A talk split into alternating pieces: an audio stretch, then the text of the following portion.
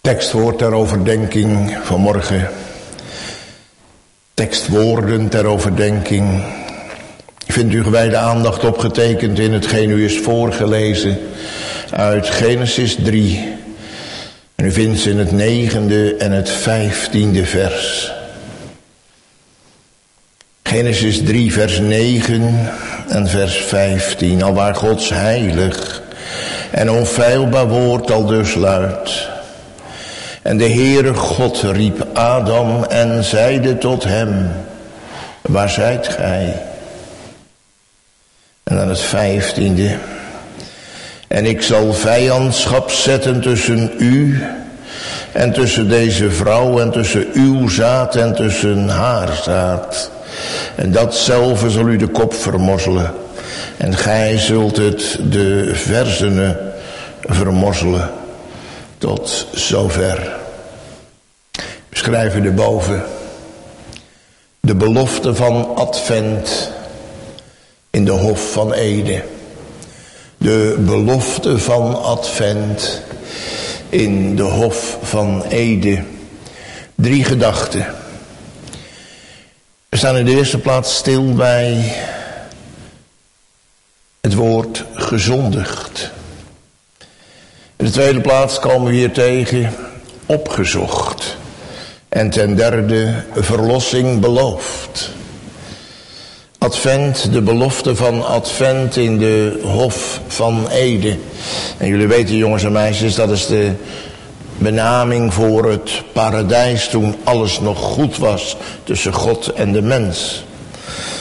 En daar lezen we over het paradijs, wat er gebeurd is in de Hof van Eden, namelijk gezondigd, opgezocht en verlossing beloofd. Hoe Adam en Eva hebben gezondigd. Hoe God ze heeft opgezocht en hoe hij verlossing heeft beloofd. Het mocht de Heere behagen om in spreken en luisteren zijn zegen ten leven te schenken. Tot roem van zijn naam die heerlijk is. En tot zaligheid onze zielen. Advent.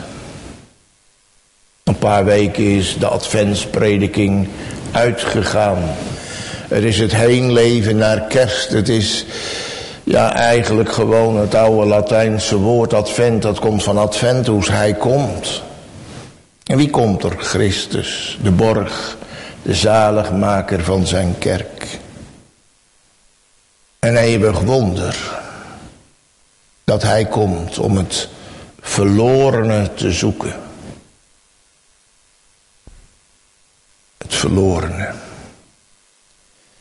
En dan zegt iemand van, ja dominee, daar gaat het nou maar om. Hè, dat een mens zijn verlorenheid en zijn onmacht en goede leert inleven.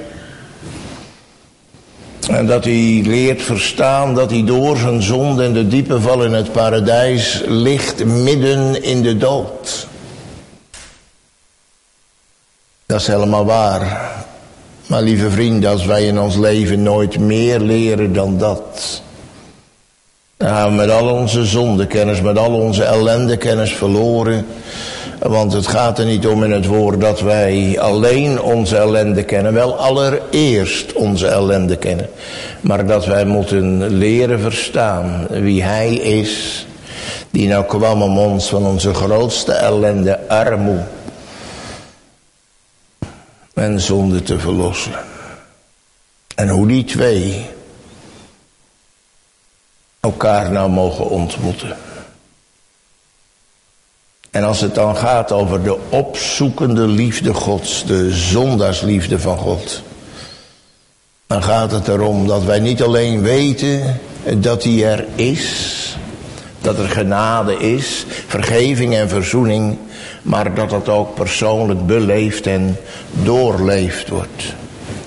Het oude volk, en daar wordt natuurlijk wel eens wat schaapachtig om gelachen, maar het oude volk had uitdrukkingen die nog tot op heden geldend zijn. Weet je wat hij zeiden, jonge vrienden? Adam niet geleerd, Christus niet begeerd. En wat bedoelden ze daar nou mee? Als je niet geleerd hebt dat je zelf Adam bent. En dat niet geleerd hebt, wat moet je dan met Christus doen? Wie zit er in de wachtkamer bij de dokter? Toch mensen die ziek zijn, die hem nodig hebben. Wie verlangen er een zaligmaker? Die net als die tollenaar geleerd hebben. O God, wees mij zondaar genadig. Dus dat zijn van die kernachtige uitspraken van die oudjes die wij maar niet overboord moeten gooien. Nog een keer om het te onthouden. Adam niet geleerd, Christus niet begeerd. En ik denk dat dat dingen zijn die zo volop geldend zijn voor juist Genesis 3. Oude dominee van de Poel, die zei wel eens, jij moet niet het boek lezen, maar het boek moet jou lezen. En ik wil dat graag omslaan naar de Bijbel. Wij moeten niet alleen de Bijbel lezen, maar de Bijbel moet ons gaan lezen. Ik kan Genesis 3 lezen.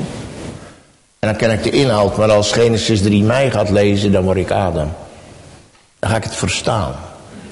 En jullie en u, wij komen vanmorgen allerlei bekende zaken en bekende klanken tegen. Met je oren. Maar leeft het ook zo in je hart? Daar gaat het om. Genesis 3 is een, een zwarte bladzij in het boek der mensheid. Ja toch? De val en de ongehoorzaamheid. Eva, de eerste, die Adam verleidt. En Adam valt ook en de zondeval is een feit. En we weten, ze zijn verleid door de slang. Het opschrift boven het hoofdstuk in de kanttekening is duidelijk. De duivel verzoekt de vrouw door de slang. En de vrouw wordt verleid en overtreedt, als ook de man.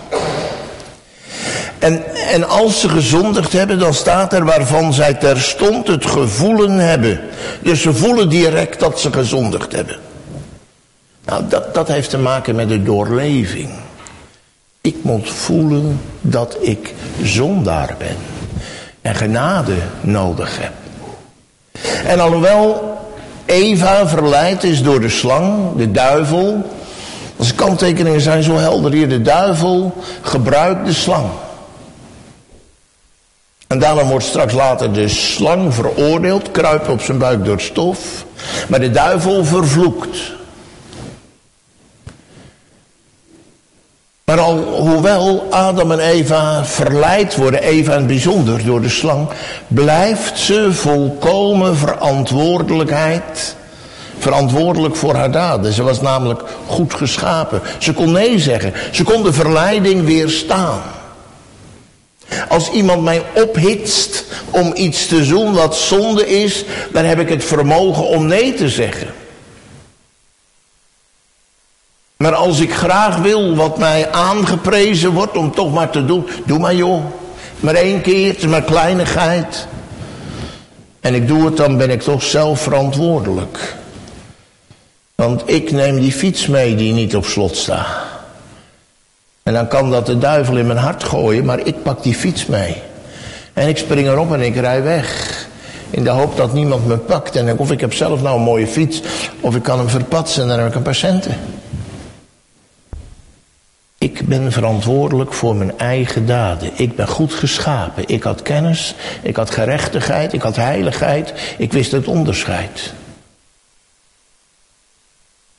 Iedereen weet dat. Dat is Genesis 3, maar nogmaals. De beleving.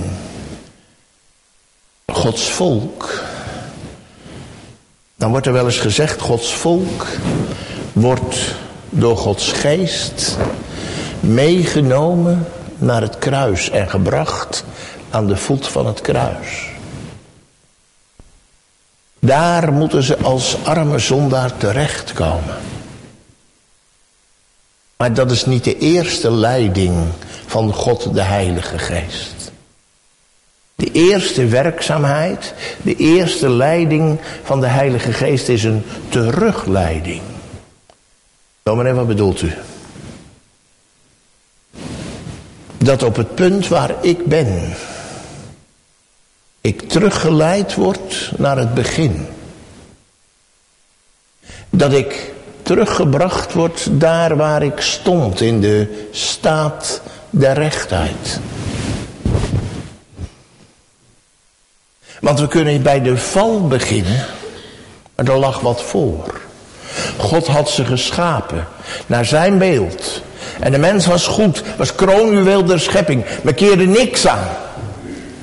En uit die staat der rechtheid zijn wij gevallen. Wij zijn van een top van eer terechtgekomen in eeuwige verwoesting. Er neergevallen. Wat een ontluistering. Pronkjuweel. En gevallen. En daar liggen we in de modder en de slijk van de zonde. Dus wat gaat God de Heilige Geest nou doen als je mens gaat ontdekken? Aan zonde, gerechtigheid en oordeel, dan neemt hij hem in gedachten mee terug naar het paradijs. Daar ligt de oorzaak. En als ik in dat paradijs niet geleerd heb dat ik zondaar ben, wat moet ik met Golgotha? Begrijp je jongens? Er is, er is in, in de Bijbel dat is logica. Er is een lijn, er is een weg. Nou gaat het niet om de begripsleer, het is een geloofsleer, dat weet ik. Maar we moeten de lijn vasthouden. Als God een mens stilzet in zijn gang door dit leven. En de Heere zegt tot hiertoe en niet verder. En je komt net als die verloren zoon tot jezelf.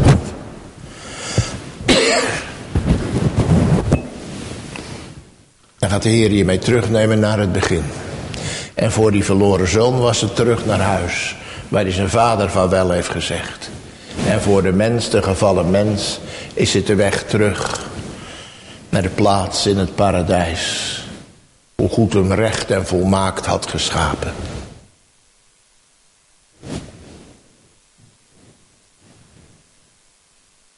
Bent u daar al eens geweest? Heeft de Heer u wel eens teruggeleid naar dat allereerste begin? Ja? Mag ik het zo zeggen vanmorgen, dat je het me goed begrijpt? Ben je wel eens Adam geworden? Ben je wel eens Eva geweest? Ik ben die man, ik ben die vrouw die gegeten heeft van de boom. Ik heb gedaan wat kwaad was in uw ogen. Dies daarom ben ik, heren, uw gramschap dubbelwaardig. Een terugleiding naar het paradijs betekent, ik ben zondaar geworden voor God. Ik sta schuldig tegen het heilige recht. Ik had niet mogen zondigen, ik had niet moeten zondigen, ik had niet hoeven te zondigen. Maar ik heb het gedaan en nu lucht het drievoudig vonnis des doods rust op mij. Want wat had de Heer gezegd, jongens? Ten dagen dat gij daarvan eet, op hetzelfde moment als je eet van die boom, zal je de dood sterven. De Heer wilde daarmee zeggen, aan jouw menselijke leven komt een eind. Er is een moment dat een mens de natuurlijke dood sterft. Maar ik zei een drievoudige dood. We hebben ook niet alleen een natuurlijk leven, we hebben ook een geestelijk leven. Het gaat ook om het zielenleven. Maar van nature is die mens door de zonde dood, in de zonde en in de misdaden. Geestelijk geen verstand meer van God en goddelijke zaken. Denk maar gewoon aan Helmbroek.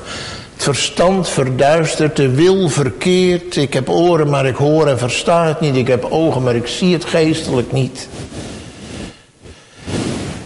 En dan de eeuwige dood. Dat betekent voor altijd van God gescheiden te zijn. Altijd. Dat betekent Waar is de plaats in de eeuwigheid, jongens, waar een mens voor altijd van God gescheiden is? Dat is de hel. Hè? Mag je vandaag de dag niet meer noemen, maar dat is waar hoor, dat is de hel. En weet je wie daar terechtkomen? Alle nakomelingen van de duivel. De kanttekeningen zeggen het zo duidelijk. Dat als straks het gaat over het zaad van de vrouw en het zaad van de duivel, dan gaat het over al de kinderen van de duivel. Nou dominee, dat is, dat is geen vrolijke boodschap zeg. Heeft u echt niks anders?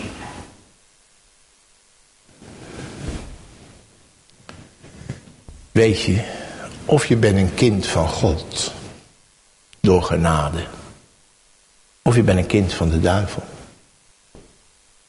Of je bent door genade in de gemeenschap, door de genade van de Heer Jezus Christus teruggebracht in de gemeenschap van God.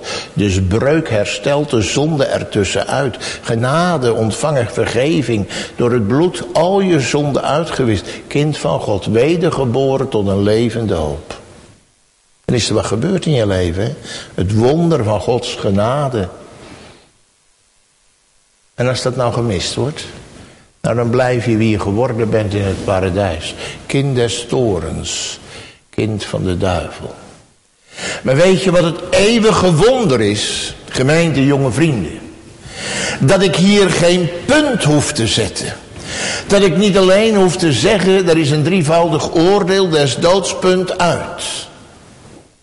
Dat had zo kunnen zijn. Wanneer? Nou, als God toen Adam en Eva vielen, gezondigd hadden en van God wegvluchtten, dat God toen had gezegd, nou ga dan maar. Je hebt de dood verkozen boven het leven, de duivel verkozen boven mij als God. Je bent hem gehoorzaam geweest en mij, de levende God, ongehoorzaam geweest. Zoek het maar uit. Eigen schuld. Verloren. Buitenste duisternis. Ik heb je gewaarschuwd. Dan zou God geen onrecht doen. Maar dat is de Bijbel niet helemaal. En dat is de Bijbel niet helemaal. Dat is de Bijbel helemaal niet. Dat is maar een stukje. Daar gaat het alleen over de zonde. En die moet gekend worden, beleefd en doorleefd. Maar in die val, dwars door die val heen, komt God met zijn belofte. En wordt het daar in de Hof van Ede, waar alles spreekt van de dood. Die ze verkozen hebben boven het leven. Gaat God spreken van het leven. Gaat God roepen, wend u tot mij en wordt behouden. Wonderlijke zaken of niet. Eva wist het goed te vertellen. Eva wist toen de duivel vroeg, mag je nou van alle bomen eten? Ja, van allemaal, behalve van die niet. Die boom van kennis van goed en kwaad. Ja, weet je waarom God? Nou, dat is het gemene, hè? dat is echt het duivelse van de duivel. Dat het geniepige. Ah joh, dat zegt God wel, maar eh, dat, dat is niet waar hoor.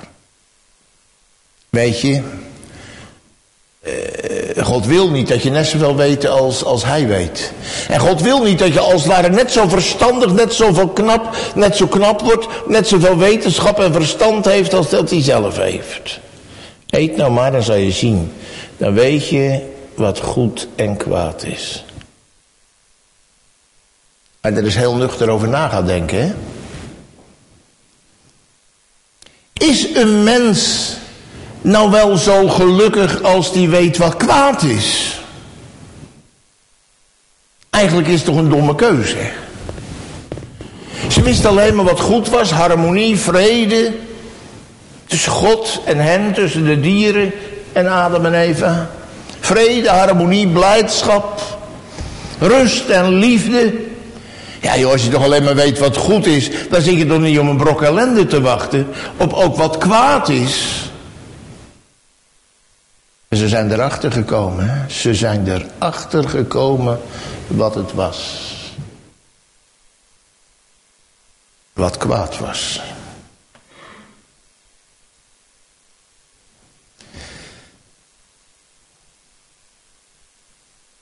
Uw ogen zullen geopend worden en gij zult als God wezen. En citeer ik even de kanttekeningen. Kennende het goed en het kwaad. En dan staat hier, kennen heeft tweeërlei zin, tweeërlei betekenis. Te weten wijsheid vatten en begrijpen. dus dat je veel weet en, en, en, en alle dingen goed begrijpt. En, en die maken de mens heerlijk en gelukzalig, dat is het goede. Of, dat is kwade, ellendige voelen die dezelfde schandelijk en verdoemelijk maakt. Het eerste beloofde Satan de mens bedriegelijk. Wel wetende dat anders niet dan het tweede het volgen zou. Hij zegt wel, je weet goed en kwaad, maar hij weet, je komt alleen maar het kwaad, de zonde en de gevolgen van de zonde te wezen. En dan zie je wat de begeerte doet. Als, als, als de begeerte in ons hart wordt opgewekt. En hoeveel mensen hebben daar niet, hebben daar die kwaal, kennen dat niet. Het jaloers zijn, het afgunstig zijn, het graag willen hebben wat een ander heeft. Opklimmen op de ladder en boven een ander uitstijgen. Niet goed schiks dan maar kwaad schiks. En die boom was begeerlijk om te eten. En ja, ze wou ook wel verstandig worden. Toen nam ze van de vrucht, hè, wat er in het hart zit, de ogen en de hand. En uit het hart komen voort alle kwade bedenkingen. Ze zag het, is wel waar. Begeerlijk om te eten.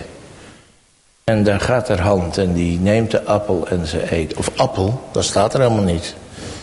Kan een peer geweest zijn en een andere vrucht, ik weet dat niet. Staat er niet. Doet er niet toe, hè.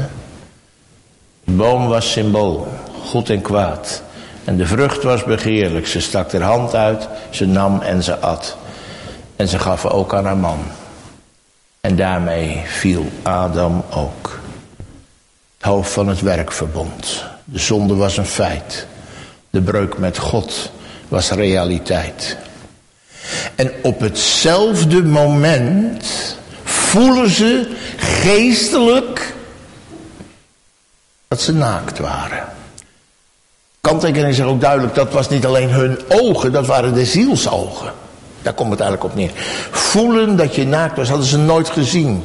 Nooit gemerkt. Dat ze liepen, ik weet niet hoe lang. Maar nooit had iemand een van de twee daar last van gehad. Maar nu zijn ze beschaamd voor elkaar. Zijn ze beschaamd.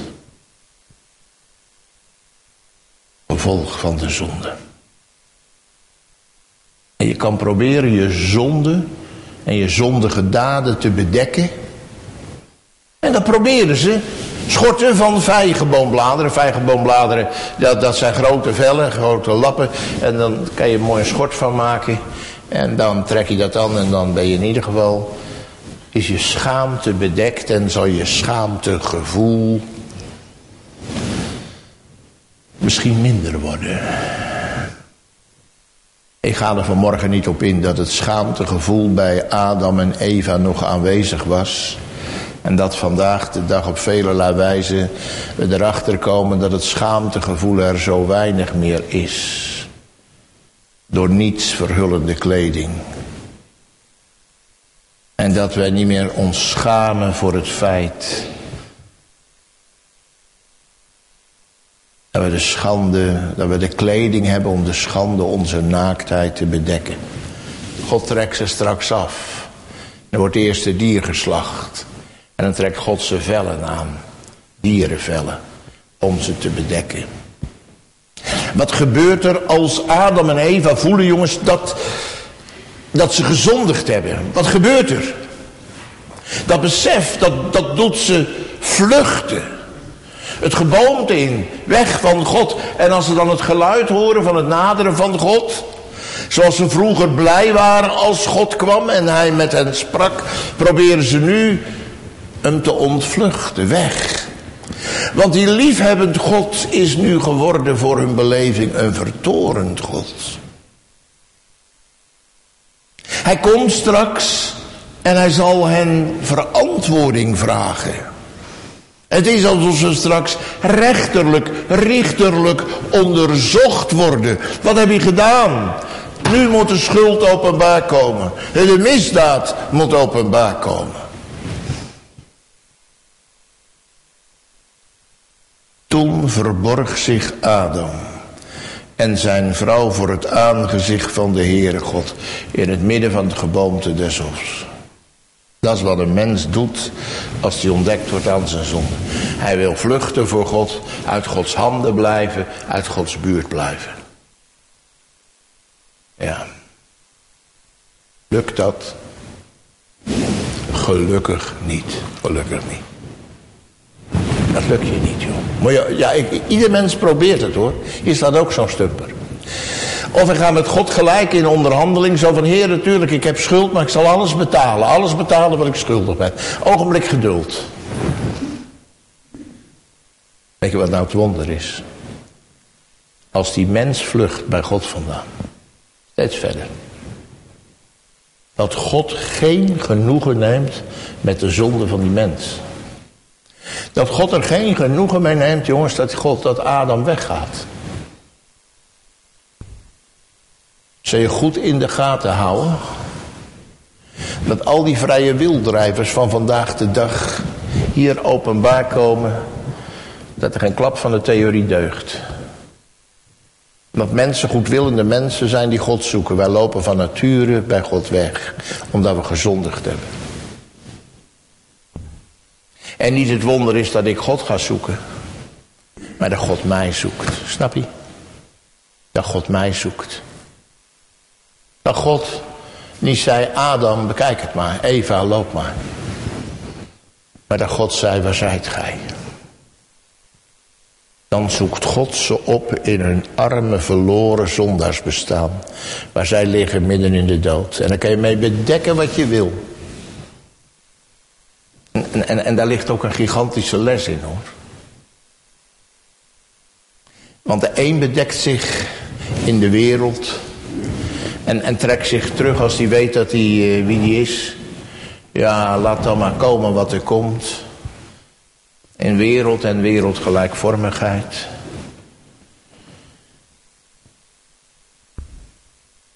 Een ander vlucht in de godsdienst. Weer een ander in zijn werk, in zijn gezin. Of is druk met zichzelf. Ja, maar in je godsdienstvlucht is toch niet zo erg, dominee? Nou, als u denkt dan dat u het kan redden door uw kerkgang, door uw beleidenis, uw mondbeleidenis, of het afleggen van beleidenis, of door uw avondmaalsgang. En anders zei, nee, dominee, het moet dieper. Nou, die, die, die probeert zich te verbergen achter zijn tranen. Of uh, achter zijn bevinding. En achter zijn uitredding, want ja, God is toch ook nog wel eens goed voor hem geweest. Maar luisteren.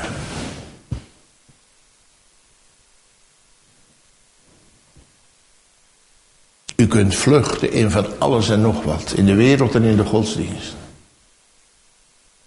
Maar het lost niks op. Het lost niks op. Wat gebeurt er hier? Het is God die komt. En het is God die die mens die gezondigd heeft opzoekt. Gods opzoekende zondaarsliefde. En daar ligt nou de troost. En dan kunnen mensen schoppen tegen Genesis 3 en van alles en nog wat. Maar als u Genesis 3 niet als waarheid in uw hart sluit, heeft u aan Johannes 3 komst van de Heer Jezus. Daar heeft u niks aan. Het gaat erom dat die mens die gezondigd heeft opgezocht wordt. En bekend gemaakt wordt met het eeuwige evangelie. Want hij wordt niet alleen met zijn zonde bekend gemaakt, maar ook met het evangelie. Waar zijt gij? God komt achter hem aan. Kent u? Dat is de spits van vanmorgen. Kent u die terugleiding naar het paradijs? Dat u zondaar werd. Zitten hier, hier in de kerk, in de zaal, thuis, zijn er verloren zondaren. Die weten wie ze zijn geworden door een diepe val in Adam, liggend, midden in de dood en de realiteit van de dood in de ziel omdragen. Maar weet u ook hoe God in zijn oneindige zondaarsliefde, in zijn ontzaglijke goedheid, Adam en Eva toen ze vluchten zijn nagewandeld. God heeft ze nagewandeld, nagespeurd. God ziet ook u en jou in je zondig bedrijf van elke dag. God weet wie je bent, wat je denkt en wat je doet. Maar God weet ook wat je nodig hebt. Dat is genade. En dat is het borgwerk van zijn zoon. Dat bloed dat reinigt van alle zonden.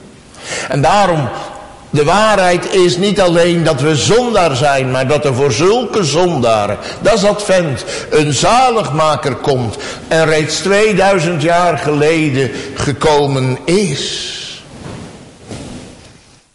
Ik zeg altijd tegen mijn catechisanten, dat er drie hoofdstukken staan in de Bijbel die je moet leren kennen.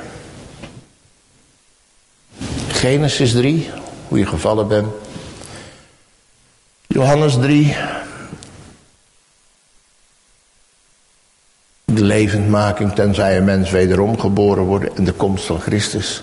En Romeinen 3, de rechtvaardiging van de goddelozen. Daar heb je het.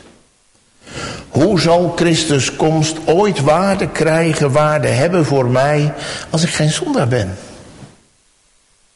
Jullie kennen allemaal die tekst, jullie hebben er misschien wel vaak opgezegd. Op school, de kerk. Dat we weten van Johannes 3, want al zo lief heeft God de wereld gehad, dat hij zijn enige geboren zoon gegeven heeft, opdat een iegelijk en ieder die in hem gelooft, niet verderven, maar het eeuwige leven hebben. Geen automatisme maar die in hem gelooft. Als vrucht het geloof als vrucht van wedergeboorte. Wedergeboorte is vrucht van het genadewerk van God. Snap je? Al zo lief heeft God de wereld gehad. Dat is ook in Genesis 3 te vinden. Want nadat God ze had opgezocht en had toegesproken, kwam hij met een belofte de belofte van het zaligmakend werk van God in Christus. En dan zie je twee dingen. Dan zie je dus enerzijds het paradijs, God die in zijn liefde opzoekt.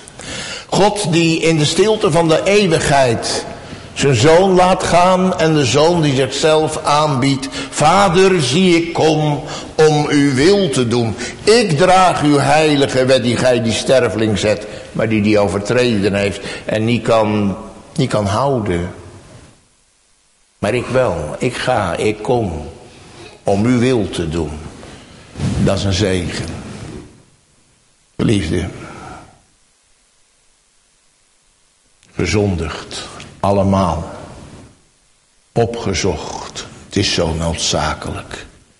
Maar ook in die weg te leren kennen wat het is om verlossing beloofd te krijgen. Want geliefde, weten wij van de eis van God in ons leven. Als ik dan maar altijd teruggrijpen op dat eenvoudig onderwijs uit de Heidelbergse catechismus. Als ik dan lees van de vraag, doet God dan de mens geen onrecht?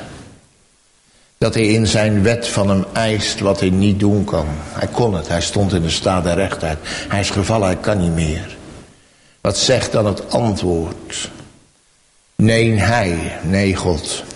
Want God heeft de mens al zo geschapen dat hij dat kon doen. Maar de mens heeft zichzelf en alle nakomelingen vrij en moedwillig door het ingeven des Satans, door moedwillige ongehoorzaamheid van deze gave beroofd. We konden het, maar we hebben die gave verkwanseld. En God kan van, de, kan van het recht niet af. Dan zou God ophouden God te zijn. God kan die afval en die ongehoorzaamheid niet ongestraft laten. Nee, hij. Geen zins, maar hij vertorent zich schrikkelijk. Beide over de aangeboren zonde, die wij dus vanuit paradijs meedragen, de erfzonde. En de werkelijke zonde, de dadelijke zonde. en wil die door een rechtvaardig oordeel tijdelijk en eeuwiglijk straffen. Gelijk hij gesproken heeft, vervloekt is een iegelijk die niet blijft in al hetgeen geschreven is in het boek der wet om dat te doen. Vloek ligt op hem. En toch komt God met zijn genade. Toch komt God met de beloofde verlossing. Toch komt God met de openbaring van zijn zoon. Jezus Christus. En ik zal vijandschap zetten tussen u en tussen deze vrouw. En tussen uw zaad en tussen haar zaad. En datzelfde zal u de kop vermorzelen en gij zult het de verzenen vermorzelen. De belofte van vijandschap. Maar die vijandschap is niet gericht op de mens. Die vijandschap die hier wordt bedoeld is tussen de duivel en tussen het zaad van de vrouw. En onze kanttekeningen merken hierop dat het in eerste plaats het zaad van de vrouw wijst op Christus. Dat hier gepredikt wordt dat er één komt, Christus, als het zaad van de vrouw. En dat het zaad dat Christus zal overwinnen van de duivel. Hij zal het winnen van. Hij zal namelijk zijn kop vermorzelen. De genadeslag zal de Satan worden toegebracht. En zelfs zo dat hier geprofiteerd wordt dat de duivel en zijn zaad, de duivel en zijn trawanten, de duivel en zijn engelen en zondaren als gewillige slaven van Satan, dat de duivel en zijn slaven, de duivel en zijn zaad zullen Christus en zijn gemeente nooit overweldigen, nooit kunnen uitroeien of verderven. Hier wordt er een beloofd die zal tot redding zal zijn van zijn kerk. Nou weten we dat de schuld die gemaakt is moet betaald worden. En wij kunnen niet. Gij kunt die prijs der zielen dat rantsoen in tijd nog eeuwigheid voldoen. Wij als arme zondaars, al voelen we dat we schuldig zijn.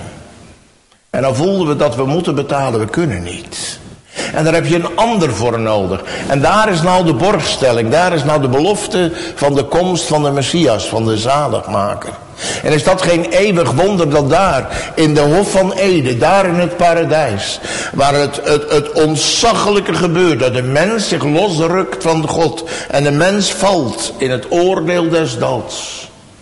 Waar de mens bij God in de schuld komt. Waar de mens niet kan betalen dat God een betaalmiddel geeft. Dat God een betaalmeester geeft. Dat hij zijn zoon geeft. En dat de zoon zichzelf wil geven. Om niet alleen geboren te worden. Advent, de geboorte van Christus. Maar ook straks in een weg van lijden en sterven. Zichzelf te geven. Om daar op Golgotha te betalen. Die prijs der zielen nogmaals. Die wij in tijd nog eeuwigheid konden voldoen. Als die borg, als die middelaar straks uitroept het is volbracht. Dan is voor de ganse kerken gods op aarde de schuld betaald.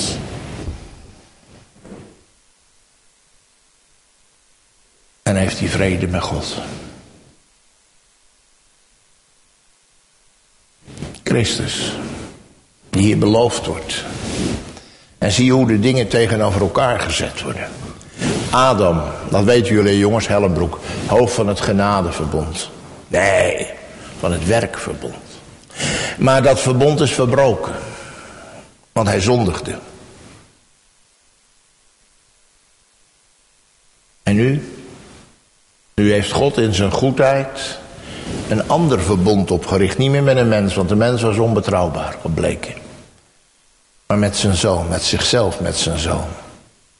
Is Christus het hoofd van het genadeverbond, de middelaar van het genadeverbond, de representant, ja, En wat nou alles in die eerste adem is misgegaan, wordt in die tweede adem Christus, onthoud dat maar, dat hoor je ook vaak. Hè? De eerste adem, dat is Genesis 3. En de tweede adem, dat is de Heer Jezus die het gaat goed maken tussen God en de zondaar. Wat door de eerste adem fout is gegaan, die zondeval, wordt hersteld door de tweede adem, Jezus Christus. Nou, die tweede adem, daar gaat het om. Lucas 2 kind dat geboren staat te worden. Kind dat zaligmaker zal zijn. Hij heet immers Jezus. Ja.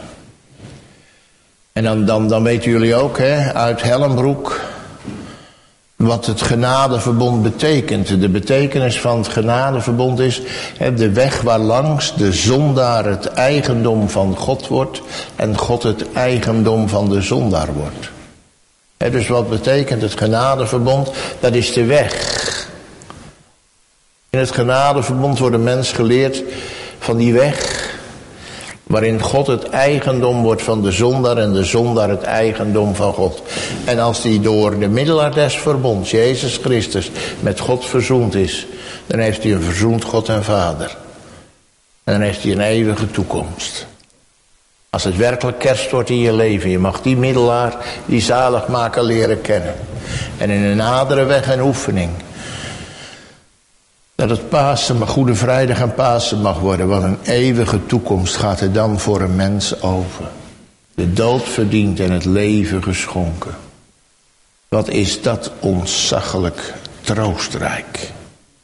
Dat God vijandschap zet tussen het vrouwenzaad en het slangenzaad. En uit dat vrouwenzaad, uit Eva's nageslacht, zal er één komen, Jezus Christus. En door het hele Oude Testament is die belofte voortgeplant. De catechismus zegt ook afgebeeld in de offeranden en in de tempeldienst. En alles weest op de komst van hem wiens naam is Jezus, zaligmaker. Wat een troost ligt er dan in dat wonder van de belofte in het paradijs gegeven. De belofte van Advent in de Hof van Ede. Het genadeverbond. Christus de middelaar Gods en der mensen. In zijn heerlijke gestalte van profeet, priester en koning. Hij wil als profeet deze Jezus, die hier in deze adventsbelofte geschonken wordt, wil zijn profeet. Om de weg der zaligheid te onderwijzen, heel persoonlijk, zielsbevindelijk. Om te zijn priester, die niet alleen offert en bidt en zegent, zoals de oud-testamentische priester, maar diezelfde grote hoge priester is naar de ordening van Melchizedek. En die spreekt over offer. En zichzelf heeft aangeboden als het offer. Het grote wonder van deze hoge priester is, hij is offeraar, priester, en hij is het offer, het lam.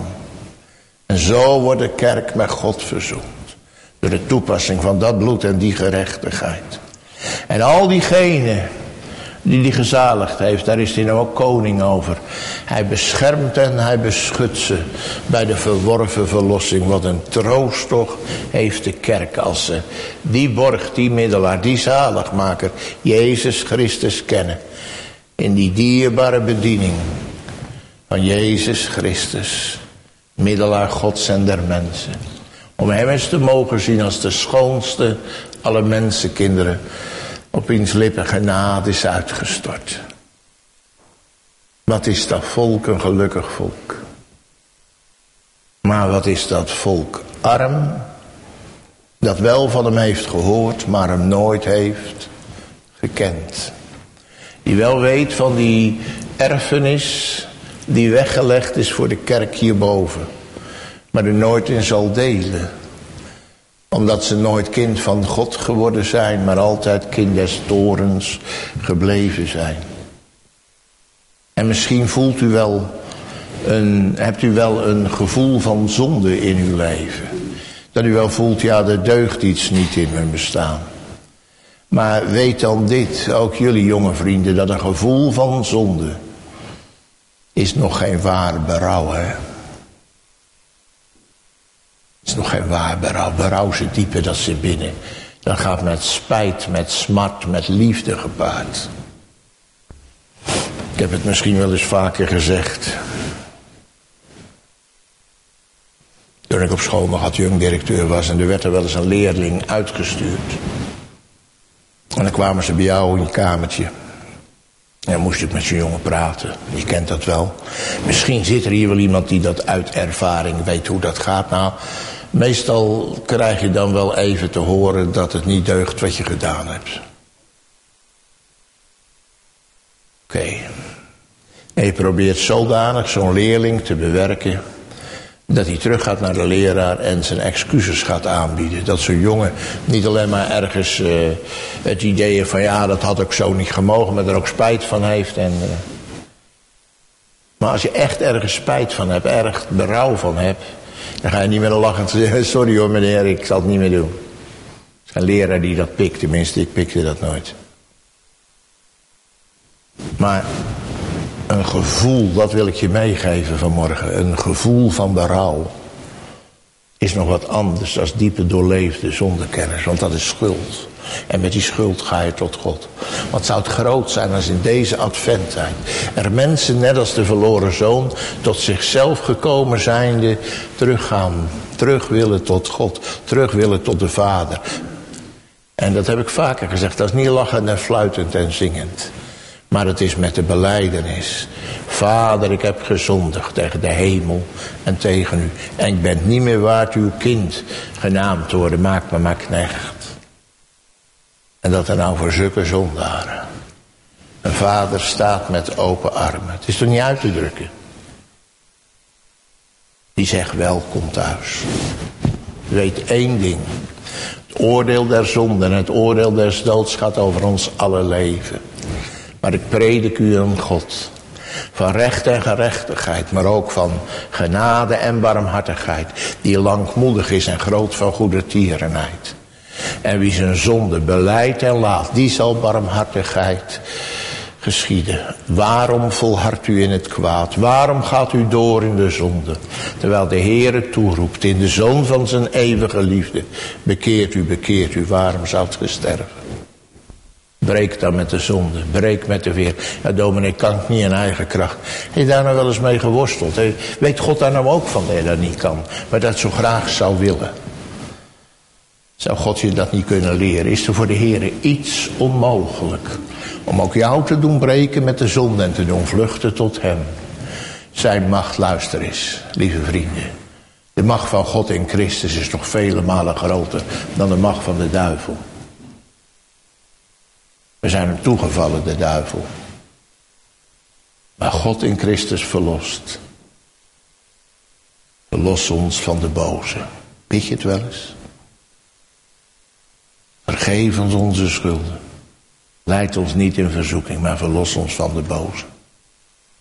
En dat kan, want u is de kracht en de heerlijkheid. Tot in alle eeuwigheid. Amen.